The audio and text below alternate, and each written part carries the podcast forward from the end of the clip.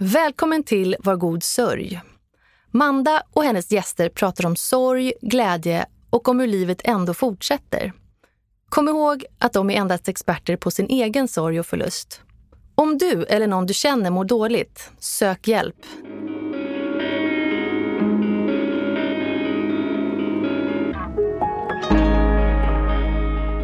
Jag heter Manda Ersgård och är mamma, barnmorska, journalist och ja, tyvärr änka. Vintern 2019 knackade döden på min dörr. Brutalt och helt oväntat förlorade jag min man efter hans självmord. Jag upplever att möten med människor i sorg är så tabubelagt och skrämmande att det är lättare att inte prata alls. Så kan vi verkligen inte ha det. Vi måste våga öppna upp för det som skaver och inte alltid är så himla glatt. Jag ska träffa människor som drabbats och dela med sig av sin sorg och förlust i alla dess former. Men viktigast av allt, deras glädje, skratt och igenkänning. Faktum är att sorg faktiskt drabbar alla förr eller senare på ett eller annat vis.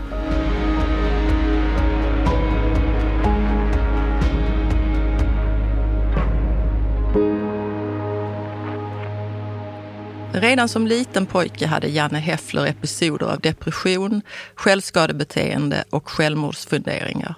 Han pratade aldrig om sina känslor eller det som gjorde ont på insidan. Åren gick, måendet blev sämre och till slut blev det nattsvart. Janne gav upp och fann ingen annan utväg än att avsluta sitt liv.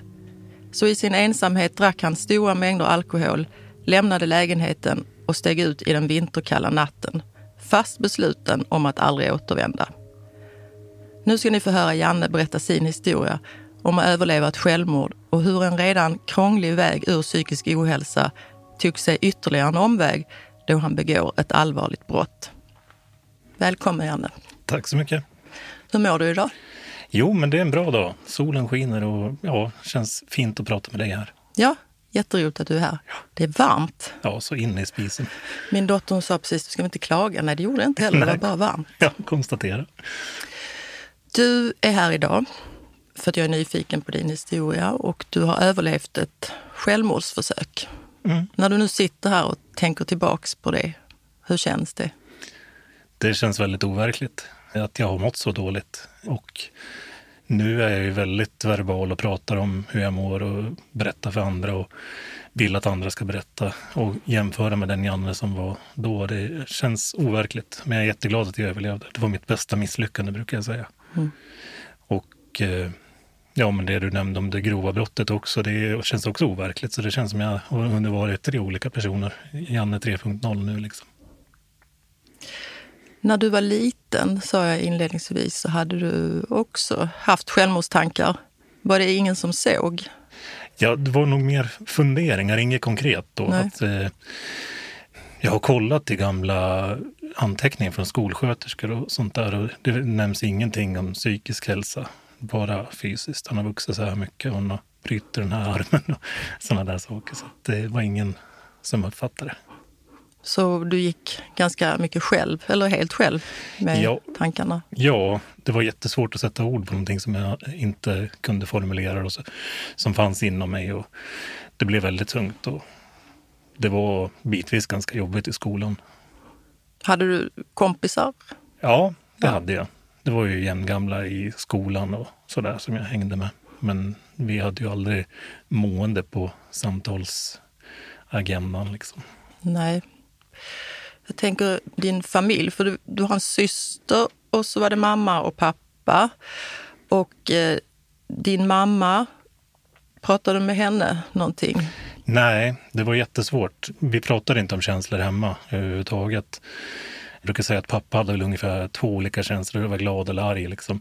Alltså jag hade en jättebra uppväxt så, men just det här med att formulera känslor och sätta ord på mående, det, det förekom inte. Och det kommer väl till det så småningom, men min mamma gick bort 2015 och det, när hon hade fått reda på att hennes cancer var obotlig, då var det första gången som hon sa till mig, som jag kommer ihåg, att hon älskar mig. Och eh, det, där blev det väldigt, det är någonting som jag fastnar vid nu också när jag mår bättre att fasiken, jag måste bli bättre på att visa andra om jag tycker om dem. Och nu har inte jag några egna barn och sådär, men skulle jag ha det så skulle de få drunkna i, i ömhetsbevis. För att det kändes så starkt liksom att, och då var jag 37 då eller någonting sånt där. Och gått då i 37 år utan att höra de orden. Jag har ju aldrig tvivlat på att de älskar mig, men det var så konkret liksom. Då var ju det en omtumlande händelse då, men då går din mamma bort. Mm. Och det var, kan man säga att det var upptakten till ditt mående ja, som blev sämre och sämre? Crescendot liksom. Då, efter det rasade det totalt, för det var i maj 2015 och i januari 2016 hade jag suicidförsöket. Vad var det som hände? Ja, jag hade spenderat många timmar med att googla och försökt leta på, ja men gjort sådana bisarra sökningar som smärtfria sätt att dö på, tjofaderittan. Ja, nu lät det som något muntert, men det var väldigt spretiga sökningar och konstiga saker. Och eh, då kom jag fram till någonstans att eh, i det här skruvade sinnet att jag ville få det att se ut som en olycka för att inte mina anhöriga skulle fundera. De kanske skulle vara ledsna. Det här är liksom som jag tänkte då. De kanske skulle vara ledsna ett tag men sen kunna gå vidare utan frågetecken. Så då var planen att jag skulle bli jätteonykter och gå ut och somna i en snödriva och frysa ihjäl, helt enkelt. Och innan du kom fram till den eh, planen, var det innan du hade försökt få kontakt med psykiatrin? Ja, det var ju då innan.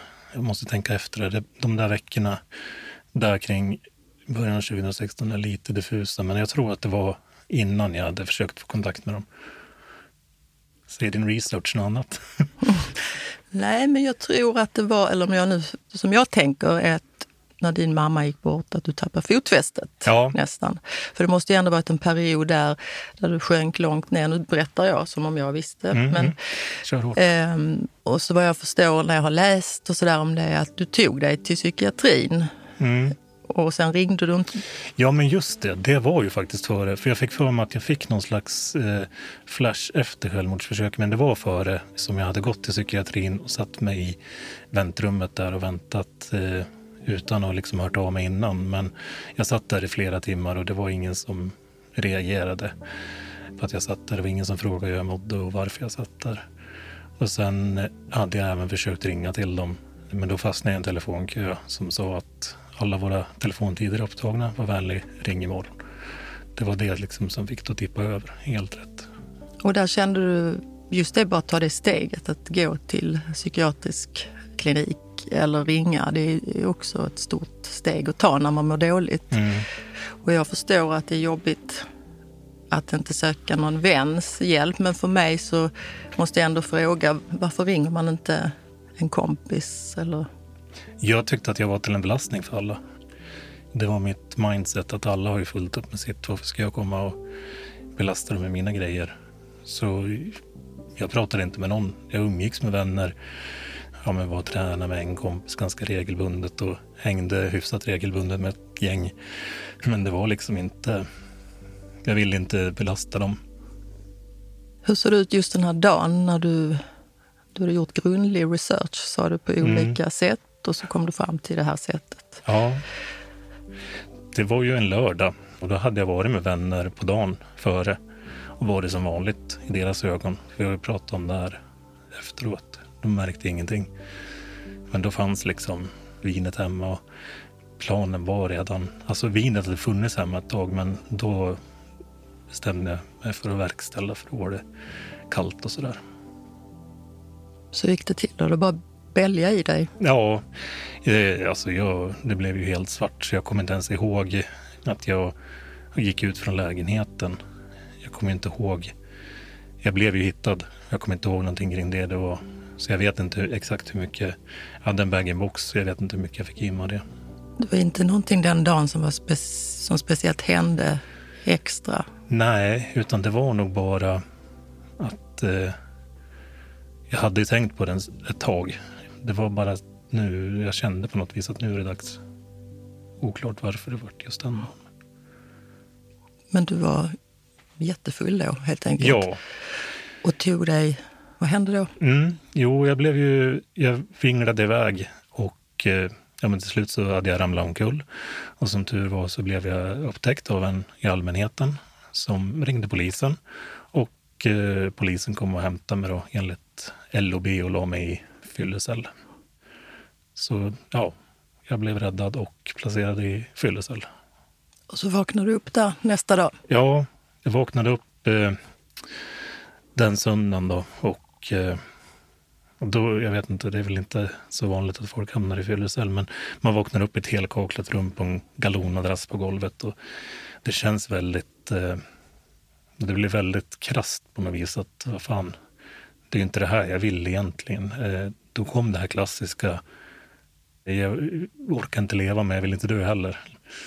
Men där någonstans blev det ju att ja, men, eh, jag ska inte dö ut, men jag måste försöka försvinna från samhället på något vis. För jag klarar inte av verkligheten som den ser ut för mig just nu. Och så fick jag ju ingen hjälp. Och, så där, där började ju andra tankar födas. För kändes det som att du inte hade någon rätt att vara kvar i livet? Eller kändes det som att du inte var behövd? Jag fick de här tankarna att världen skulle vara ett bättre ställe utan mig det var liksom inte... Det här är mest före självmordsförsöket. Att, eh, det fanns inget ljus, utan det var bara... Jag trodde på det själv, liksom att så här är det. Att jag är bara en börda och jag liksom är misslyckad. Och, så även om jag var jättebra på att hålla murarna och spela teater eh, så var det ju tomt inuti, liksom tomt och svart. Jag måste gärna också fråga, så här, men det är så klassiskt där killar inte riktigt pratar med varandra. Var det någon av dina killkompisar som pratade om känslor? Och du svarade då, men du berättade aldrig om dina egna? Nej, utan det var ju, då var det ganska så här, ja, men de förstod ju att jag var ledsen när mamma hade dött. Men det var inte någon djup... Uh, alltså jag sa väl typ att det var hanterbart och sådär och sen blev det inte något mer av det. Det fanns inte i kompisgänget på samma sätt heller du övertygar kanske dem att ja, men det är lugnt. Ja, ja. ja, men han fungerar ju. Han går och tränar. Han beter sig rationellt. Men efter när du vaknade upp ur den här fyllecellen och du fick komma hem. Då var ju allt, alltså då började vi om igen. Ja, efter den här händelsen fick jag ett brev från kommunen att om du dricker för mycket alkohol så är du välkommen att höra av dig till oss. Men eh, det var ju inte alkoholen som var problemet, utan det blev... Jag kände väl återigen att ja, men det är inte... Jag får ju ingen hjälp. Liksom. Ja, men då började googlingarna om, fast på ett annat tema. Då. Och då började jag googla på det här med att försvinna från samhället och ta en time-out från livet. Och, ja, men det var fortfarande lika bisarrt och irrationellt. Eh, men jag brukar prata om den ologiska logiken och den var ju ganska påtaglig då att jag ska vad heter det, ja, ja men det här är en bra idé. Så skrattar jag åt det nu, men det var liksom, jag var helt övertygad om att ja, men det här blir bra. Återigen det här brevet som du fick från socialen eller från kommunen. Jag menar, du var ju suicidal. Mm. Kommer ut från, du har gjort ett försök att ta ditt liv och då skickar de ett brev till dig. Mm. Och sen slut, ja, ingenting annat. Inget. Men berättade du det här för dina vänner att du hade gjort ett självmordsförsök? Nej, inte då. Det kom efter ja, men nästa krasch. Mm. Och jag vet inte, det här kan man ju ha jättemycket åsikter om, men vad jag förstår så är LOB en vårdande lag. Alltså det är en sjukvårdslag egentligen. Att polisen tar hand om men det kanske inte är helt rätt. Man kanske ska, eller så ska man kanske få en tid till en kurator automatiskt. Jag vet inte om jag hade berättat för kuratorn, men det kanske går att fånga upp vad betyder LOB? Lagen om omhändertagande av berusade.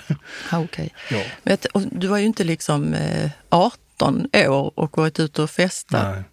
Inte för att det skulle vara eh, på något sätt eh, mer milt, men du var en vuxen man som hade försökt, också i en känslig ålder, tänker män och självmord. Och, så det bemötandet du fick där var ju kanske inte att hurra för. Nej, Ja, de har väl sin rutin och den, den utgår ju bara för att man har blivit för full, verkar det som. Och det kanske är ett förbättringsområde på övriga, alltså på alla samhällsinstanser, att man skulle ha med den psykiska hälsan när man bedömer även sådana här grejer. Var du rädd för dig själv efter detta, att du skulle försöka ta ditt liv igen? Ja, det blev så att jag kände att eh, jag måste, ja, men om man kommer tillbaka till den här timeouten då, jag måste göra någonting eh, för att annars kommer jag försöka igen. Och det kan jag känna nu i efterhand också. Hade jag inte hamnat i fängelse så hade jag förmodligen inte suttit här idag. Det är jag ganska säker på. Och då kom du fram till? Ja, det var många googlingar som sagt. Och till slut hamnade jag på en tråd på Flashback som heter hur, hur var det att sitta i fängelse eller någonting. Och då började jag läsa den tråden om, om en andemeningen i den var väl att ja, men det är inte så jäkla farligt. Det är inte som i, i Thailand eller eh, USA eller någonting sånt där, utan det är ganska chill. Så här, ja, det kanske så här i efterhand så nej, det är inte ganska chill. Men det eh, trodde jag på då. Och eh, då började jag kolla vad som skulle krävas för att hamna i fängelse. Och så började jag kolla ja, men, eh, vilken typ av brott som skulle leda till automatisk häktning, alltså typ omedelbar eh, omhändertagning. Så jag blev något av en expert på straffskalor och juridik där ett tag. Men jag kom fram till att det skulle vara ett ganska grovt brott som genererar minst två år i fängelse. Och, eh, för då skulle man bli häktad på en gång. Så då började jag fundera vad det var för någonting. Och jag ville inte skada någon person. Så jag kom fram till att jag skulle, en helgnatt skulle jag gå till ett dagis som jag visste var tomt. Och eh, även som låg långt ifrån bebyggelse och sådär. Så att det skulle bli så liten skada som möjligt. Och så bestämde jag mig för att jag skulle tända eld på ett förråd som fanns där. För då skulle man bli dömd för mordbrand och det ger minst två års fängelse. Det är kanske en konstig fråga, men jag vet inte hur jag ska fråga det riktigt. Men vore det inte enklare då, då Tänk om fler människor, det här har du ju såklart funderat på så du vill väl inte att man ska ta upp, men nu tar jag upp det i alla fall. Fler människor som skulle kunna dö. Men om du hade provat att ta ditt eget liv igen, var det en enklare väg att göra ett grovt brott än att ta sitt... Det var ju ganska kalkylerat av mig att det inte skulle vara någon som skulle riskera ens att dö. Det heter mordbrand även när eh, stora värden riskerar att gå upp i rök. Bara riskera, de behöver inte ens göra det. Så ett dagis en helgnatt och så visste jag väl att det skulle finnas brandlarm där så att det skulle förmodligen gå. Om inte det hade gått så hade jag ringt brandkåren själv. För att syftet var ju inte att, egentligen att tända eld på, alltså förstöra någonting. Utan syftet var ju att hamna i häkte och fängelse. I den ologiska logiken. Mm. Och när du stod där då, för du hade var det två marschaller? Ja, och jag var Sveriges sämsta mordbrännare som tur var. Det var väl mitt näst bästa misslyckande. Jag hade marschaller och tändvätska och tändare och lite grejer. Och eh, var helt oduglig på att tända eld som tur var.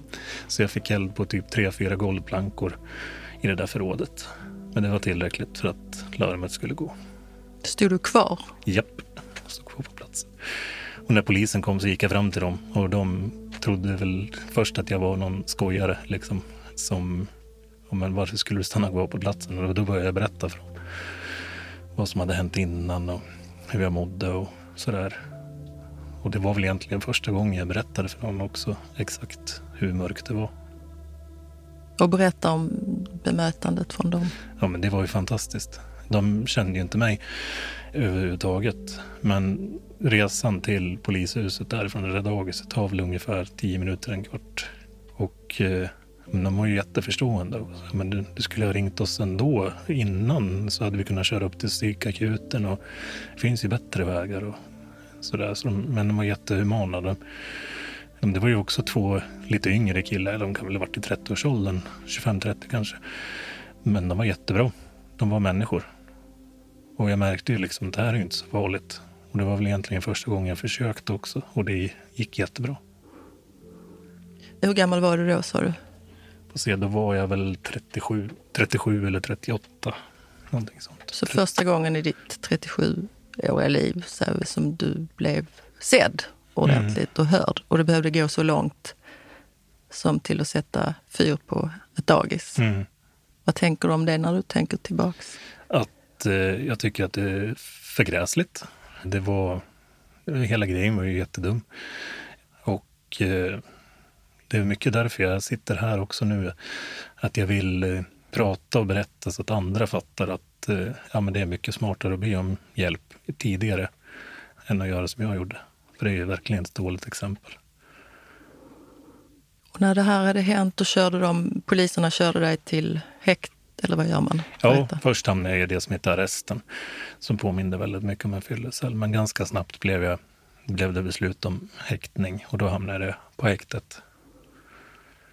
Hade du någon kontakt med din familj eller vänner då? Det tog någon dag innan jag fick kontakt med dem, för jag hade inte telefontillstånd att ringa, utan jag fick skriva brev.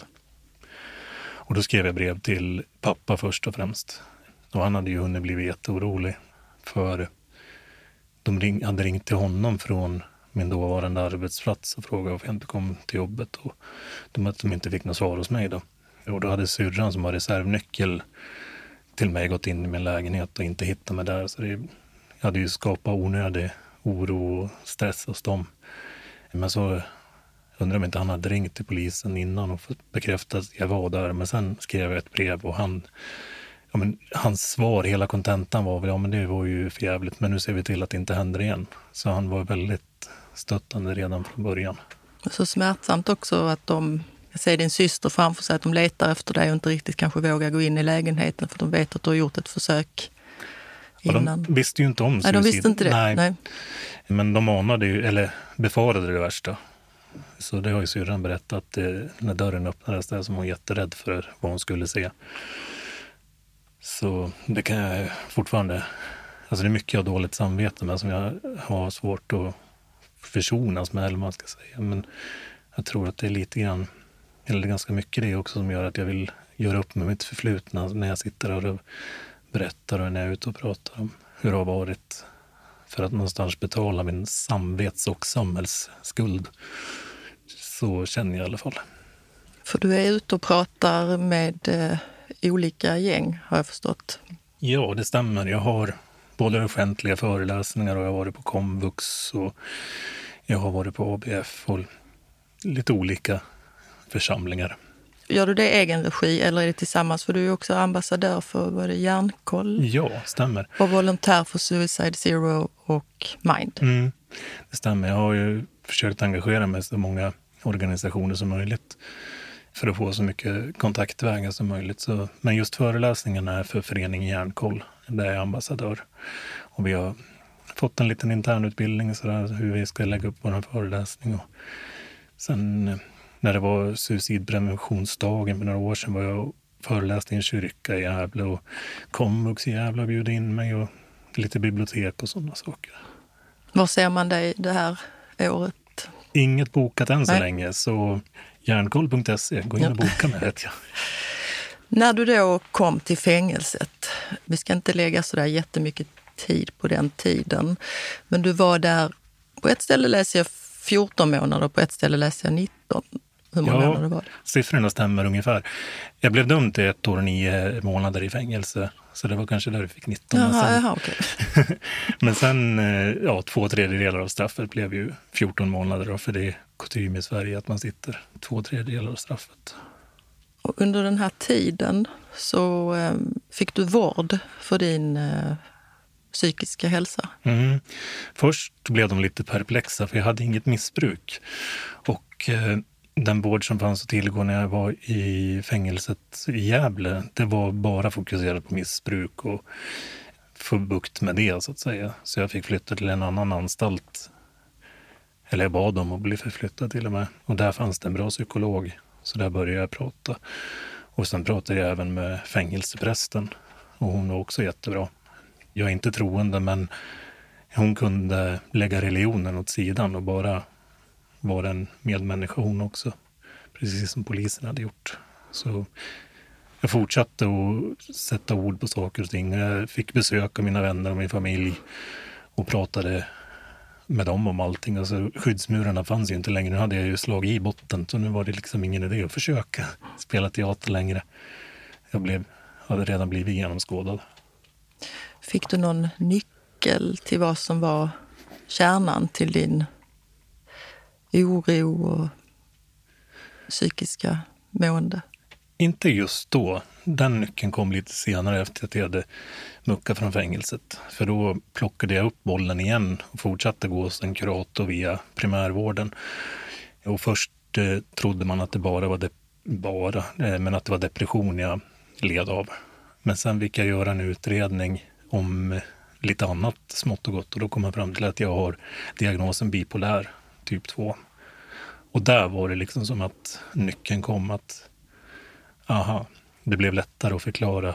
Jag brukar säga lättare att förklara historiska fuck-ups, liksom varför jag har gjort som jag har gjort. Och, för det har ju funnits manier i det här också då jag har skuldsatt mig och sådana saker. Så skulderna var ju en ganska stor del av att jag kraschen också. Att eh, det kändes hopplöst allting. Men det fick en förklaring, inte en ursäkt, men en förklaring till hur jag kunde bete mig så korkat i flera olika avseenden.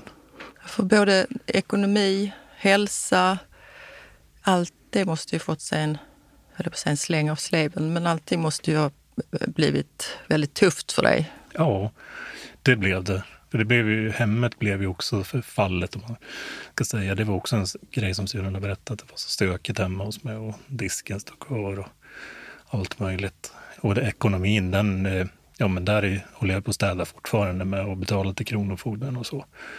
Så jag får reda ut konsekvenserna nu. Och det känns faktiskt väldigt bra. Jag tror, jag vet inte om det är många som är glada över att betala till Kronofogden, men det känns fint att göra rätt för sig.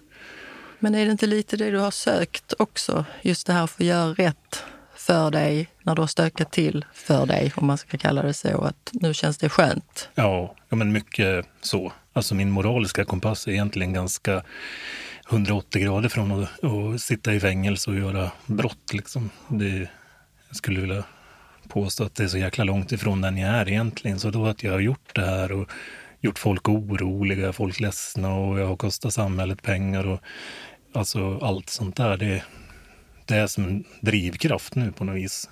Plus att jag inte vill att folk ska må så dåligt som jag gjorde.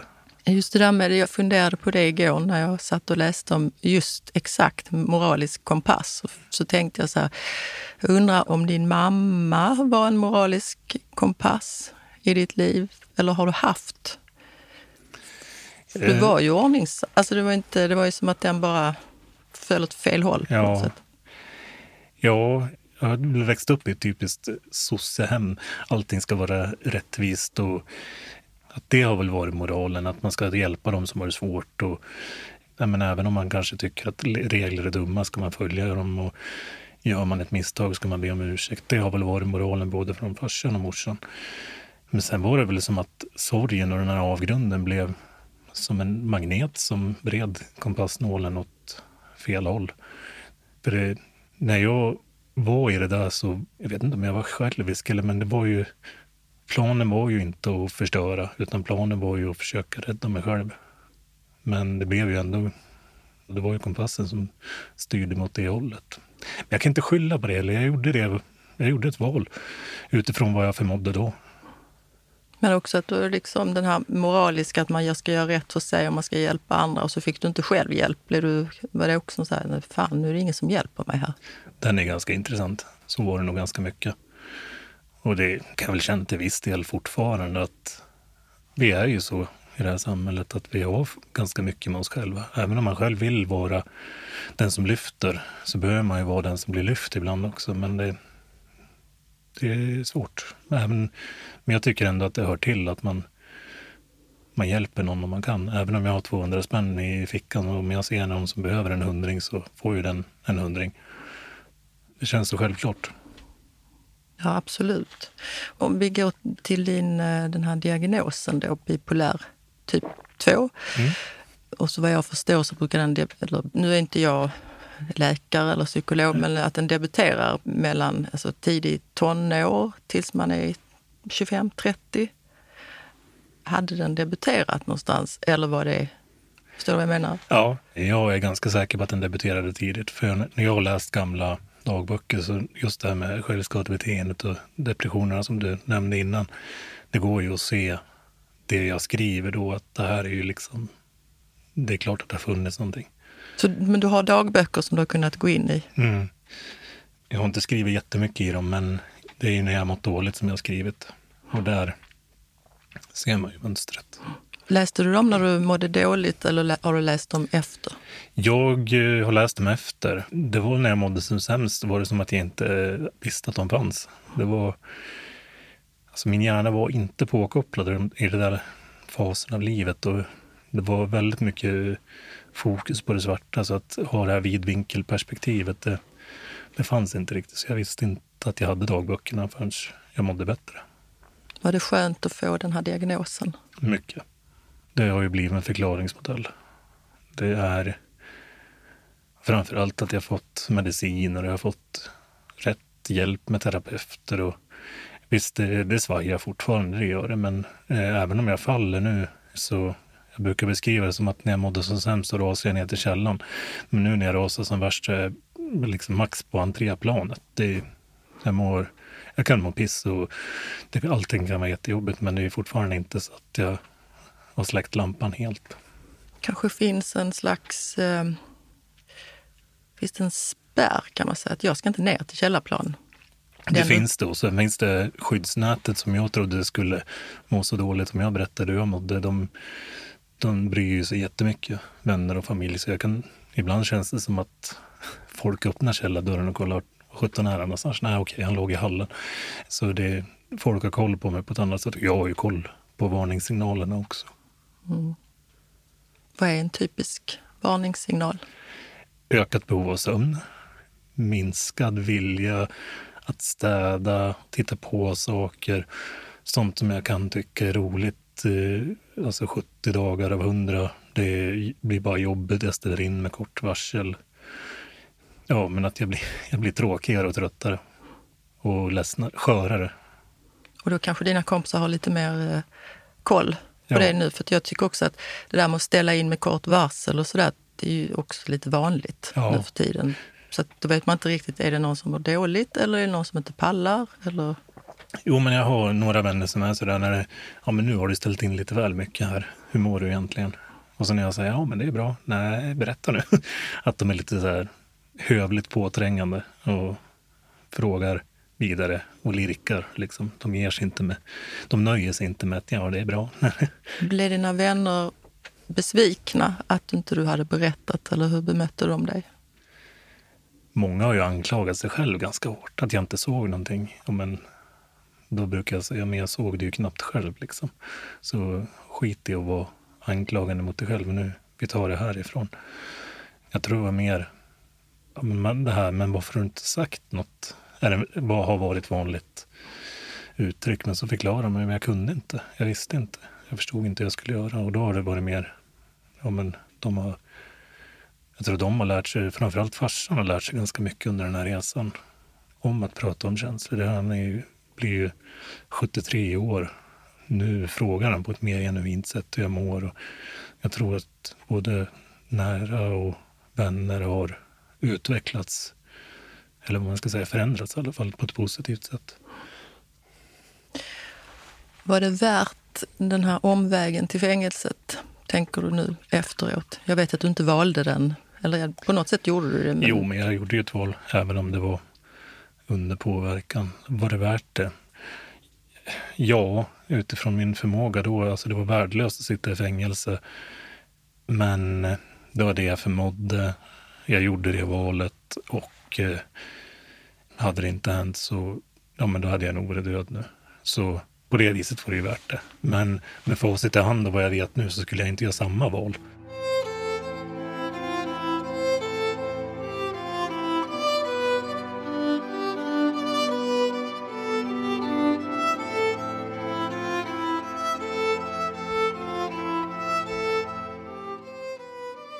nu ska jag blanda in mig själv, men eftersom jag har råkat ut för att bli kvar efter att min man tog sitt liv så säger ju många, ja men ofta ser man att det finns något tecken eller då kan jag känna mig lite klandrad ibland. Att, Jaha, men eh, hur kunde inte jag ja. se det? Var jag egoistisk? Jag tänker så här, de som säger det har förmodligen inte varit med om det själv. varken mått så dåligt eller varit närstående. Eller, för att det tycker jag är en myt att man ser. Jag tycker att det är en myt också att eh, jag tror Suicide Zero skriver om det här på sin hemsida, men det, det, är en myt att man inte ska prata om självmord med någon som mår dåligt för att det ska väcka den björn som sover. Jag tror det snarare blir att avdramatisera eller någonting. Att man inte ser, men vad fasiken ska man gå och kolla efter? Och det, folk kan ju pendla i humöret och i så fall lär man väl vara... Som sagt, vad skulle du ha kollat efter? Nej. Han hade, väl ingen skylt liksom. Nej, så. Nej det fanns ingen skylt. Nej. Men de besluten som du tog nu, vi pratar om självmordsförsöket, känner du någon skam och skuld fortfarande? Eller brottet? Ja, jo men jag börjar väl försonas med framförallt brottet men även självmordsförsöket. Men det är lättare att försonas med självmordsförsöket eftersom det egentligen bara drabbade mig. Brottet har varit svårare, även om jag försöker mer och mer tänka att jag men valet styrdes ju av konstiga parametrar i mitt huvud. Och ja, nu har jag fått medicin så att de parametrarna är justerade. Men jag har ändå svårt att så här, lite svårt att förlika mig, så lite skam känner jag fortfarande. Tycker du att självmord, eller ditt självmord var en självisk handling? Då tyckte jag det. Det var därför jag ville få det att se ut som en olycka. Det är svårt. Eh, idag tycker jag inte att självmord är en självisk handling. För det var någon som beskrev det där så bra. Att självmord är den yttersta konsekvensen av en psykisk olycka. Liksom.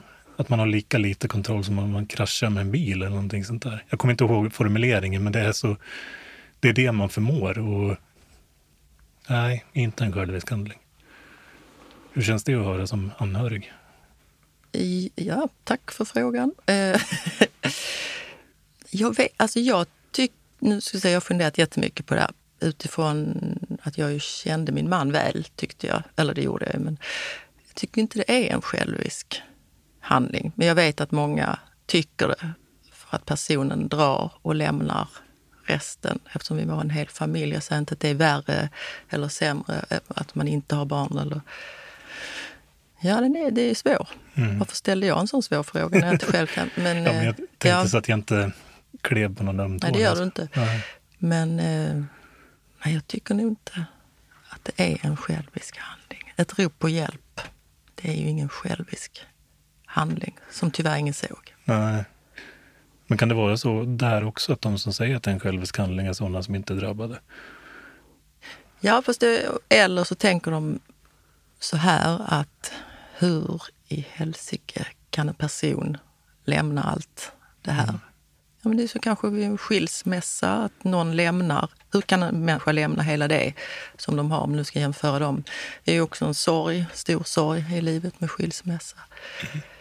Att det är så de tänker. Men det är ju som, du har ju upplevt någonting på andra som inte jag har upplevt. Mm. Och du har, vad jag vet, inte varit... Eller du kanske har träffat någon som har försökt också? Inte närstående. Nej. Det är så, tyvärr så jäkla vanligt. Som man, ja, men kompis, kompis, kompis, farsa. Men jag tänker, det finns ju en formulering där att man väljer att ta sitt liv. Men då brukar det är också någon klok människa som har sagt det före mig att för att det ska vara ett val så måste man ju ha alternativ. Och när det är så där svart så ser man ju inga alternativ. Nu kan jag bara tala utifrån mig själv, men döden blir enda utvägen och då tänker jag att säga att han valde att ta sitt liv eller hon valde att ta sitt liv, det, jag tycker inte det känns okej. Okay. Nej, där tror jag också att jag inte riktigt vet riktigt. Nej, men jag förstår det. men det är precis som jag tänker det är brott som du begick. Där hade du, när du försökte ta ditt liv, då kändes det som enda utvägen. Mm. Så egentligen hade du två utvägar när du begick brottet, men då valde ju du. Mm. Där kanske du valde det. Eller? Ja, men det, så blev det ju. För det, där blir det för enkelt att säga att nej, jag hade inget val när jag begick brottet. För det, det hade jag ju, visst det. Det var ju många aktiva jag tycker det blir två jätteskilda saker. Eftersom ja, men, suicid, självmord är så jäkla definitivt. Det är verkligen en definitiv, definitiv lösning på ett problem. Och fängelse, det, var, det är ju något annat. Det nu känner jag att jag håller på att trassla in mig här, men jag tycker att jag gjorde ett val när jag valde att begå brottet. Vi pratar om någonting som är svårt mm. och personligt och tungt med mycket sorg i. Ja, så, så det... det är inte konstigt att du eller jag trasslar in. Nej, och det finns väl, det är väl det som är grejen med hjärnan också. Det finns inga definitiva svar egentligen. Nej, men du pratade ju innan om att det här med att liksom, när du mådde dåligt innan så slog du i eh, källaren men nu stannar du vid entréplan eller någonting sånt sa du. Tror du att hela den här biten när du, nu pratar jag om, din, om självmordet och tiden innan, för att när vi pratade om det så var det nästan som att ja, men så hände det och så hände det. Men det måste ju ha varit någon, så att en process, som en eh, normaliseringsprocess för dig. Att till slut så blir allting bara, men så här är mitt liv. Ja, jag kanske är lite väl pragmatisk när jag berättar om det, men där och då, alltså, det var ju ingenting som bara hände över en natt, som att någon vred av strömbrytaren, utan det var ju Ja, men det, det var ju någonting som hade funnits hos mig ganska länge. Att eh, jag tänkte på det väldigt mycket och till slut så blev det det normala. Och det blev väldigt mycket svart och tungt inuti. Och det är väl också någonting som jag vill få folk att känna att man är aldrig sjukare än sina hemligheter. Man ska inte vara rädd för de där självmordstankarna. Och man ska inte vara rädd för att berätta om dem. För att det är min erfarenhet i alla fall när man börjar prata om psykisk ohälsa så är det många som kan identifiera sig med det. Och därför tänker jag också att eh, lite grann om man har en vän som mår dåligt. man, ska, man ska inte vara rädd för att fråga. Lite grann det här vi sa tidigare, att man väcker inte en björn som sover, den är redan vaken. Liksom. Och det kan vara bra att hjälpas åt att se den då. Trollen spricker i solljuset när man släpper fram dem. Liksom. Mm. Det finns många bra sägningar. Ja, ja. många klyschor. Ja.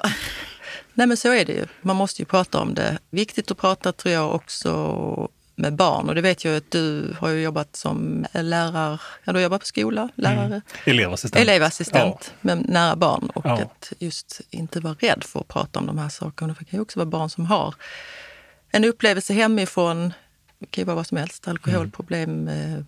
självmordsförsök, som, som man lägger locket på.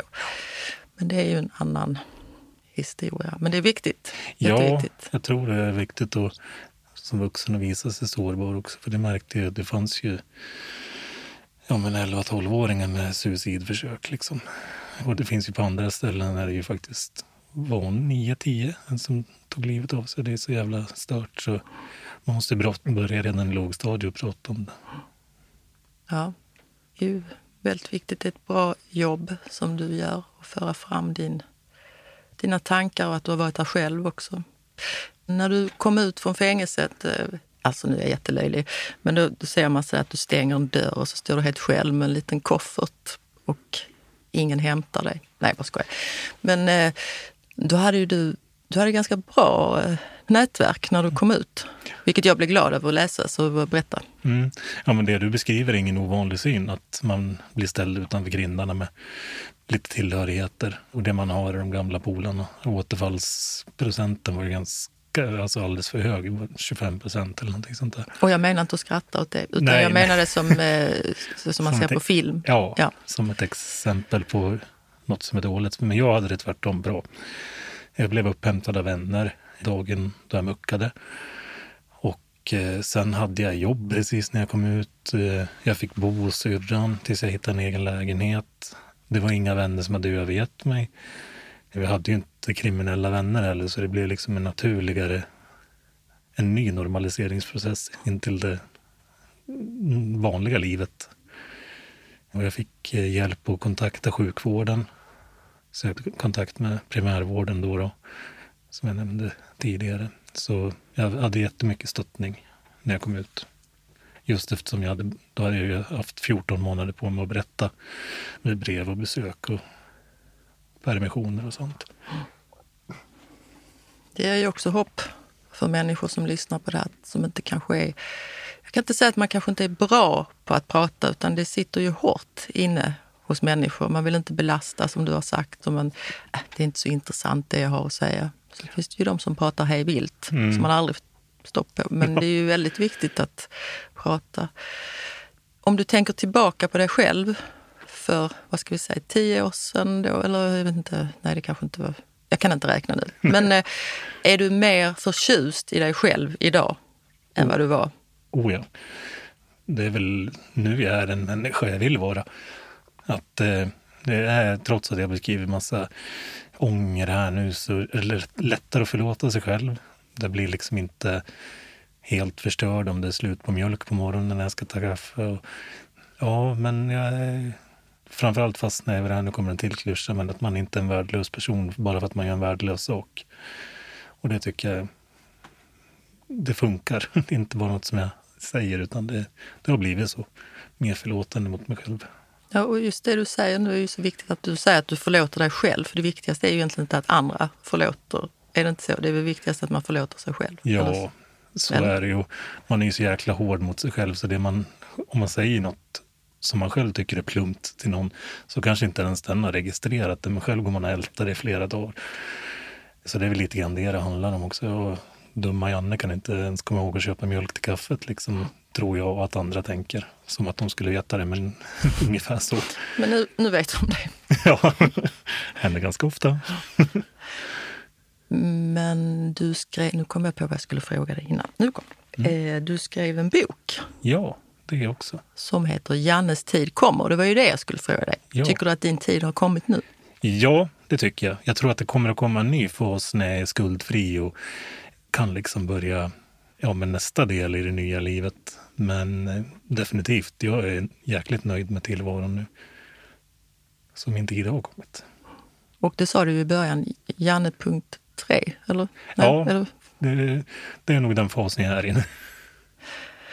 Men när du får mörka stunder igen, för du berättade att du hade fått ett skov, sa du, och då, vad var det för sorts skov du hade fått? Ja, men det är ett depressivt skov Mm. som jag fastnade i som har varit svårt att ta sig ur.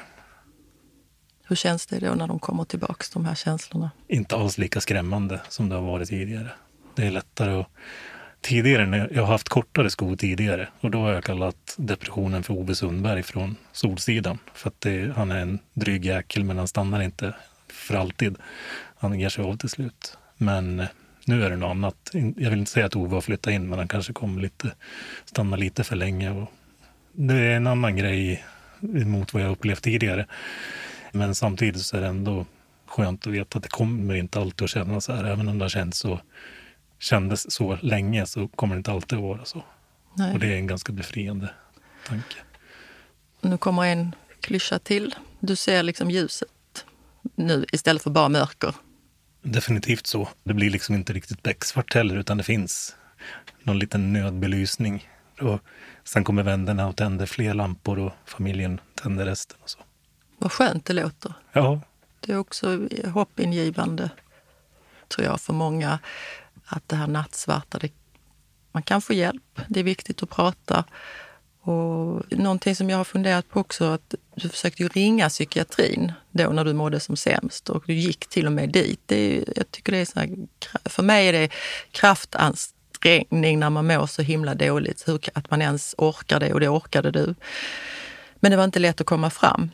Då undrar jag bara, om man mår riktigt dåligt, för det brukar ju sägas att det finns massa hjälplinjer och det finns, hur lätt är det egentligen att ta upp luren och ringa de där hjälplinjerna? Utifrån vad jag upplevde själv och utifrån vad andra har berättat så är det ju inte alls lätt. När man ber om hjälp, om man gör det, så har man förmodligen, har man förmodligen väntat alldeles för länge redan. Så det är, telefonluren är tung då när man tar upp den. Och det är inte lätt. Det är inte lätt, men det finns hjälp att få och det eh, kommer jag lägga in på Instagram och vi kommer ha det här på podden så man vet vart man kan vända sig. Vad, vad skulle du, vilken hjälplinje eller vilken väg skulle du rekommendera människor att ta när de mår dåligt? Mm. Men det finns ju stödchattar både på Mind och Suicide Zero. Men eh, börjar man känna att ja, men, jag behöver något mer konkret så är ju närmaste vård eller hälsocentral den du är skriven hos, kan jag säga, som är första vägen in. Man kan inte ringa direkt till psyk utan man måste gå via hälsocentralen, har jag fått lära mig. Och sen om det är Alltså riktigt, riktigt akut, då finns det ju ja, men akut psyk. Ja, då kan man ringa 112 och få hjälp och bli hämtad. Men det är ofta svårt när man själv, för där gäller det att kontaktnätet är med. Och det är inte så lätt alla gånger. Men om det blir ett akut läge så är det 112. Och så finns då, om man är lite yngre, BRIS. Jajamän. Och som du sa, Suicide Zero har väl också, eller var det inte, jo de har också en, nej det är Mind. Har Mind en, har en definitivt, ja. jag tror att Suicide Zero har en, men jag är inte hundra på det. Men det finns olika vägar. I slutet på min bok så står det också om de här olika kontaktnäten. Det finns ju jourhavande präst och det finns jourhavande imam och det finns massa sådana saker. Jag var lite slarvig. Jag sa att din bok heter Jannes tid kommer, men det hade ju liksom lite längre titel. Säg igen. Undertiteln är En överlevnadsguide för brutna själar. Och så här i efterhand kanske det är det jag skulle ha döpt den till och Jannes tid kommer kanske hade kunnat fått vara under rubriken. Men det är sånt man lär sig. För det är väl det jag vill få det till. Berätta lite grann om min historia på ett ganska korthugget sätt, eller vad man ska säga. Det är ganska mycket, jag lägger inte ut texten så mycket, utan jag har gjort den så att den ska vara lätt att läsa. För när man mår dåligt så är inte det kognitiva på topp direkt heller. Så jag vet själv hur svårt det kan vara att läsa en lång målande Håkan Nesse-bok. Utan man måste ha lite, lite punk i språket så att det, man orkar med. Och sen har jag klämt in ja, men olika stödfunktioner på slutet också. Men du kanske döpte den till ditt eget Du kanske inte hade gjort det idag, precis som du säger. Nu upprepar jag vad du säger ja. som att jag kom på det själv. Men jag tänker att du döpte den till ditt eget namn för den kanske var lite skriven till dig själv först. Ja, det är ju faktiskt en ganska stor del att en del av bearbetningen för allt som har varit att få ner allting i tryckt form. Men sen syftet har ju hela tiden varit att försöka hjälpa andra. Jag kanske är tjatig, men jag tänkte, är du rädd? Nu sa du till mig att du hade strategi och sådär, du känner efter, men att du är rädd för att det skulle bli så mörkt, att de där lamporna inte lyser upp igen och att du skulle försöka igen och ta ditt liv? Inte rädd, men uppmärksam. För jag tänker att det kan hända jag tror att självmord kan hända de allra flesta faktiskt. Och alla självmord är inte en del av psykisk ohälsa heller, utan det kan vara spontana grejer, alltså till snabba livskriser som leder till en akut eh, grej. Liksom. Att, så uppmärksam, det tycker jag nästan att alla kan vara, både på sig själva och andra. Det kan gå snabbt liksom.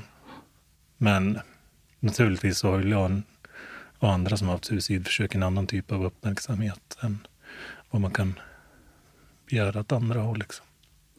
Det är ju det här också att vi med lära, det som vi pratade om innan och som jag hänger upp mig på privat också, men inte gärna pratar om sina känslor. Det är jag inte ensam om att tycka kanske. Men mm. just att vi lär våra pojkar i skolan, och inte bara pojkarna utan flickorna också såklart, att prata mer och prata med varandra och inse att det finns skillnader i hur vi uttrycker oss. Och, och jag läste någonstans att du, du hade en idé om hur man skulle, man skulle lägga in det på schema. Ja, att det ska bli lika naturligt som vad heter det nu, idrott och hälsa, mm. fysisk idrott och kostlära och sånt. Då ska psykisk idrott vara, alltså psykisk hälsa ska vara en del av skolans läroämnen tycker jag. För alltså, jag håller med dig om att det är pojkarna som vi har längst väg att gå med. Sen tjejer är väl inte hundra på... Tjejer håller mycket inom sig. Det, jag läste någonstans att kvinnor försöker... Ja, det är 70 procent av kvinnorna som försöker att... Kvinnor är överrepresenterade bland de som försöker och överlever självmordsförsök. Medan eh, män i större grad lyckas för att de är mer resoluta. Liksom. Och jag tänker att det kanske har lite grann ja, men män och pojkar är utåtagerande och tjejer och kvinnor håller mer inom sig. Så man behöver vara uppmärksam där också. Men jag tror det är ju någon 70-30 procent där att det är 70 procent män som dör i suicid och 30 procent kvinnor. Så det är klart man behöver titta på någonting både bland pojkar och män. Det finns mycket arbete att göra. Hur ser livet ut för dig nu? Ja, just nu håller jag på att komma tillbaka från sjukskrivning. Håller på med rehabilitering. Är eh, resursperson på en gymnasieskola, anpassad gymnasieskola som det heter nu. Det hette gymnasiesärskola förut. Är i en byggklass med sju grabbar och eh, stöder stödde dem. Där arbetstränar jag två timmar varje dag. Och eh, sen när jag inte gör det så är jag hemma. Jag bor själv, men jag har en katt som är en grymt bra terapeut. Rekommenderar husdjur till alla som har möjlighet, för det är verkligen helande. Vad heter katten? Den heter Biggie. Big. Ja, no biggies, eller nej, no big deal. ja, ja. Nej, men han har väl döpt den där gangsterrapparen ja. Biggie Smalls, men han är så långt ifrån en gangsterrappare man kan komma. Ruggig mes. Nej, men han, vi passar bra ihop. Eh, sen eh, brukar jag vara ute i naturen och campa, övernattningar och sådär. Och så är jag en hockeynörd också. Så jag går och kollar på mycket hockey och jobbar på hockeymatcher. Har du jobbat på hockeymatcher också? Ja. Och de här camping, eh, gör du det själv eller? Jag gör det själv. Ja. Det är som mitt lilla happy place att gå ut och ligga bland tallbär och myror. Och jag tycker det är jättehärligt att bara få vara själv och lyssna på vinden och, och djuren. Vad är bästa campingstället? Var slår du helst ner ditt tält?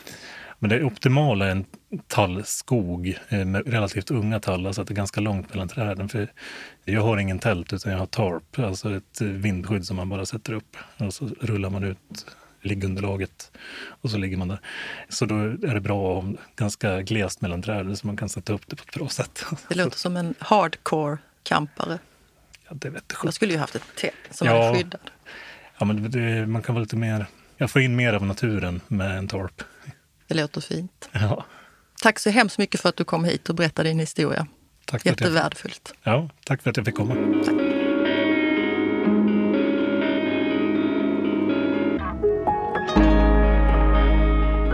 Var god sörj görs av Manda Ersgård och Stray Dog Studios.